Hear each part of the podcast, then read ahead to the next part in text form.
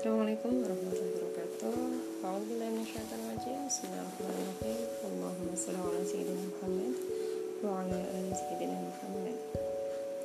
Jumpa lagi teman-teman. Kali ini kisah tentang Ibnu Ummi Maktum.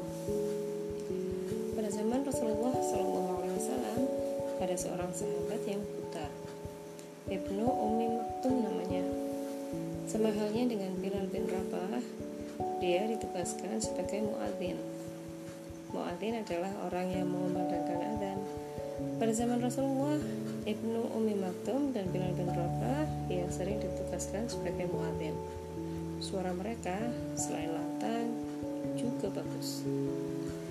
Ibnu Umi Maktum biasanya ditugaskan mengumandangkan adzan subuh. Meskipun buta, dia memiliki naluri yang kuat. Dia dapat membedakan waktu sholat, terutama waktu subuh. Setiap kali subuh tiba, dia akan segera berangkat ke masjid. Dengan bertopang pada tongkatnya, Ibnu Umi Maktum selalu berhasil sampai ke masjid lalu mengumandangkan adzan. Karena seringnya mengumandangkan adzan subuh, sampai-sampai Rasulullah menyebutnya di dalam hadis beliau. Makan dan minumlah kalian hingga Ibnu Umi Maktum mengumandangkan adzan. Demikian sabda Rasulullah oke jadi uh, ini ya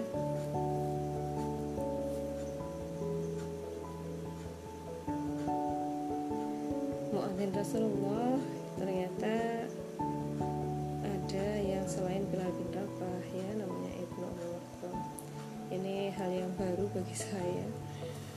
Uh, semoga bisa menjadi teladan bagi kita memberikan motivasi dan semoga bermanfaat bagi kita semua. Demikian teman-teman kisahnya. Semoga bermanfaat. Assalamualaikum warahmatullahi